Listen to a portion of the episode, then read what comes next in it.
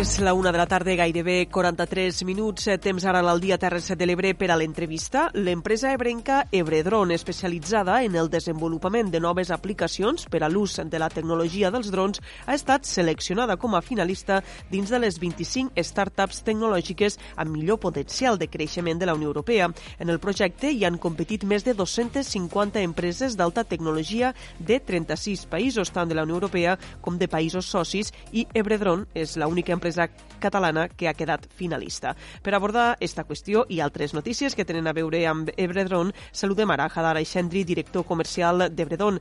Hadar, bon dia i gràcies per ser avui al nostre programa. Hola, bon dia, Leonor. Ebredron ha apostat des del primer dia per la innovació en la tecnologia dels drons i ara us trobeu, el que dèiem, eh, entre les 25 empreses amb més potencial de creixement d'Europa. Sí, bé, això és eh, bueno, fruit del treball que venim fent aquest últim any, especialment, eh, hem tret diferents eh, projectes, eh, vam participar en diferents eh, grups de treball eh, a nivell europeu i, bueno, fruit d'allí, pues, eh, ens, ens diuen que, que, que, tenim, que tenim possibilitats de, de, de poder fer aportacions, diguéssim, rellevants eh, a nivell d'innovació i a nivell de millorar, diguem-ne, a, ja les tècniques habituals que de per si mateix permeten els drons, i, i, bueno, i mm, redactem un projecte, ens presentem uh, en, un, en este projecte europeu, uh, que n'hi ha molts, eh? Vull dir, no vol dir que, que d'alta tecnologia només hi hagi aquestes 250 empreses, però sí que és veritat que era una, una crida que fa la, la Comissió Europea a través d'un programa i, i vam participar i la veritat és que estem molt contents perquè bueno, ens dona la possibilitat de, una de, de donar-nos a conèixer, l'altra de, de conèixer dins en este grup, uh, fer una xarxa, diguem-ne, d'empreses en les que podem col·laborar, perquè al final nosaltres no podem fer eh, de tot, i, i ja estem trobant, diguem-ne, partners, no? socis per poder de, desenvolupar, donar solucions a, a clients, diguem-ne, de, de primer nivell, a, ni, a nivell global, i, i, bueno, i així estem treballant per millorar el projecte, que a partir del setembre eh, decidiran no, no, l'avaluació si, si continua avant d'estos 25 que ara som, al final han de, de quedar 5. Eh? I en definitiva, uh -huh. el camí el que fem és millorar-lo, eh, redefinir-lo, adaptar-lo millor a les necessitats del mercat, eh, etc. En cas de ser seleccionats, obtindríeu una gran projecció internacional. Sí, la idea d'aquest projecte és reunir els millors potencials a nivell de, de startups de tecnologia eh, d'Europa i, i ajudar-les a sortir en un mercat global. Cada dia, diguem-ne, el, el mercat dels drons eh, és un mercat més competitiu i alhora hi ha molt de camí per a recórrer en totes les possibilitats que donen. No? Per tant, eh, sí, la idea seria poder sortir eh, de cara a finals d'any, principis de l'any que ve, eh, de cara al mercat global. Sovint associem la tecnologia dels drons a les imatges, a les fotografies, eh, però vosaltres el que feu des d'Ebredron és desenvolupar diferents solucions tecnològiques en molts camps. Eh? eh? Podem dir que la recerca i la investigació, la innovació, és una de les principals branques de l'empresa. Expliqueu-nos què feu a Ebredron. Bueno, pues, eh, bàsicament, els nostres dos camps eh, més importants són l'agricultura de precisió, uh, que per això estem on estem i també hem fet una aposta pel, pel territori per, per, per treballar molt especialment en el sector de l'arròs, però no només, en, en diferents cultius. Uh, som, tenim lo, lo, lo primer el primer dron de fumigar a nivell de l'estat espanyol en totes les permisos i registres eh, pertinents. Ja estem eh, estem molt contents de començar ja aquesta campanya de l'arròs a fer tractaments molt eficaços. Uh, I per altra banda treballem en l'àmbit industrial. L'àmbit industrial vol dir inspeccions, bàsicament. Uh, el dron te permet accedir a dades, és a dir, a imatges i vídeos, eh, però no només, eh? Uh, a llocs on és de, són de molt difícil accés o, o posen en risc a persones o, o que eh, posar exemples, no? la inspecció d'instal·lacions industrials, eh, tipus energètiques, no? Eh, per exemple... Línies d'alta tensió, no? que fem molt. Línies d'alta tensió, torres, eh, subestacions, parc solar, uh, energia eòlica, no? les inspeccions a, a aerogeneradors, uh, però no només, vull dir també el sector nuclear o el sector de, de la construcció, el sector de les carreteres, de, de, de qualsevol tipus d'infraestructura que requereix que una, un, un manteniment, que són totes, eh, doncs els nostres drons i les diferents tècniques que s'han desenvolupat doncs permeten unes inspeccions molt més eh, acurades, molt més ràpides eh, i en molts de casos en molts de casos més barates.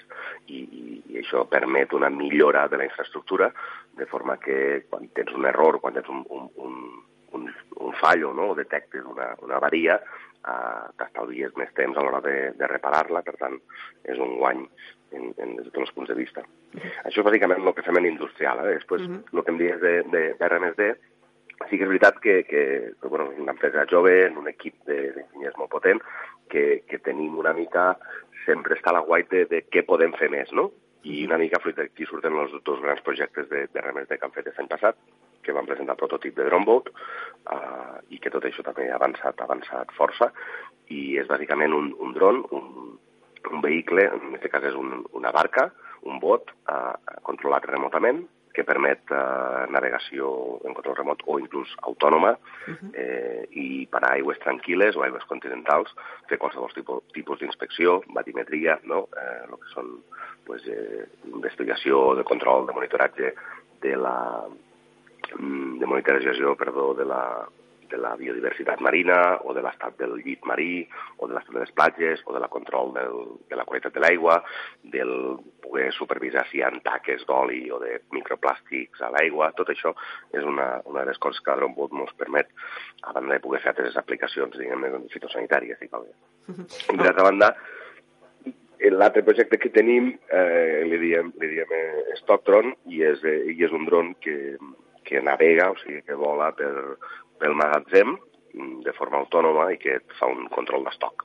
Uh -huh. control d'estoc de tots els productes, de tota la paqueteria, de tot lo, de tot lo que tens a l'inventari que tens al, al teu magatzem. Això són bàsicament ara els dos projectes que tenim aquí uh -huh. més.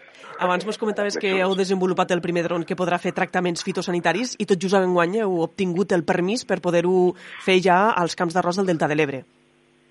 Sí, bé, no és un permís específic, eh, simplement és que eh, l'any passat Uh, sempre hi ha moltes restriccions, el sector, el sector del dron se troben restriccions en, aèries, vale? perquè conviuen altres eh, aparells i altres aeronaus, Llavors nosaltres tenim això restriccions i tenim restriccions també en l'àmbit fitosanitari, perquè no podem tirar tots els productes que, que toquen, només aquells que estan autoritzats eh, per, per fer-ho de forma aèria, ¿vale? aquells tractaments aèris. Llavors, per primera vegada, que la, la, temporada passada no va poder ser així, per diversos motius, eh, com te dia, eh, enguany sí que podem fer tractaments aèris perquè s'han autoritzat excepcionalment, eh, i la veritat és que bueno, els tractaments per a l'arròs eh, allò que, que es coneixen, no? ara que eh, d'herbicides eh, i fungicides d'aquí poquet pues estem, estem fent-los, la veritat és que estem molt contents, bueno, els clients sobretot, perquè cada dia tenim més demanda de, de l'efectivitat dels tractaments en dron. Ja que parlem del sector de l'arròs, eh, també heu desenvolupat un dron que el que fa és espantar els flamencs que causen danys als arrossars. Sí, bueno, això és un projecte que l'any passat va fer, vam fer la, la prova pilot i va funcionar bé, el que passa que també ens vam trobar també una mica en les limitacions normatives i demés. Enguany tampoc no... Nosaltres no hem treballat en aquest aspecte, tot i, tot i poder-ho fer, uh, perquè bueno, hi ha hagut uns canvis també a nivell d'agricultura i demés, i bueno, una mica la línia del departament era, era pues, permetre que, o, o no incentivar que s'espanten que s'espanten els flamencs de forma, de forma massiva i compensar els pagesos que, que els danyen els, els camps d'una forma una mica més quantiosa. Una altra de les novetats d'aquestes últimes setmanes o d'aquests últims mesos és que des de Bredrone heu obtingut el permís de l'Agència Estatal de Seguretat Aèria d'operar vols nocturns i vols sobre ciutats. Què suposa això per a, per a l'empresa? Sí, Leonard, això ens fa molta il·lusió perquè és una feina que, que venim fent des de gairebé fa un any. Eh, són tràmits feixucs, complicats. Eh, mm, o sigui, no només en volum, no?, de quantitat de, de dades i de, i de documents, eh, manuals i, i tot això, i, si no, la, la, la dificultat tècnica que té. Uh, o sigui, això ens permet estar, per una banda, entre unes poquetes empreses a nivell espanyol que tenen aquestes dues eh, autoritzacions excepcionals, per tant, ens obri una sèrie de, de mercat i una sèrie de possibilitats. Uh, com sabeu, els vols nocturns en dron estan prohibits, uh, tècnicament prohibits, i els vols sobre ciutats o sobre persones, uh, sobre edificis també, mm, sota moltes, diguem de milionàries. Eh?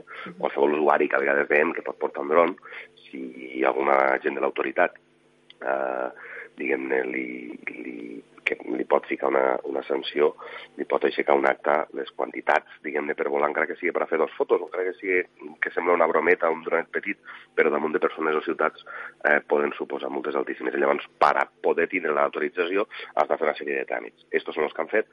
Eh, normalment tarden, doncs ja dic, eh, estaríem sobre l'any, Uh, i estem molt contents perquè això ens permet pues, volar sobre persones. Nosaltres, a més, volem de forma professional en les assegurances, diguem-ne, que cobririen qualsevol tipus de, de d'això i després que uh, volem molta seguretat, per tant, per a treballar per a, per a fer una bona gravació visual, per a fer un bon projecte de seguiment, per a fer una actuació de, super, de, de vigilància o de supervisió, uh, per a fer qualsevol inspecció tècnica uh, a nivell d'una ciutat o inclús de forma nocturna pues, s'ha de volar en seguretat i, i nosaltres podem oferir això al, al client i això la veritat que ens fa, ens fa molta il·lusió. Molt bé, Adar, ho hem de deixar aquí, arribem ja a, al final del programa. Eh, moltíssimes gràcies a Adar Aixendri, director comercial de Bredron, per ser avui al nostre programa i explicar-nos les darreres novetats al voltant d'esta empresa ebrenca. Moltíssimes gràcies i fins una altra. Molt bé, a vosaltres. Gràcies.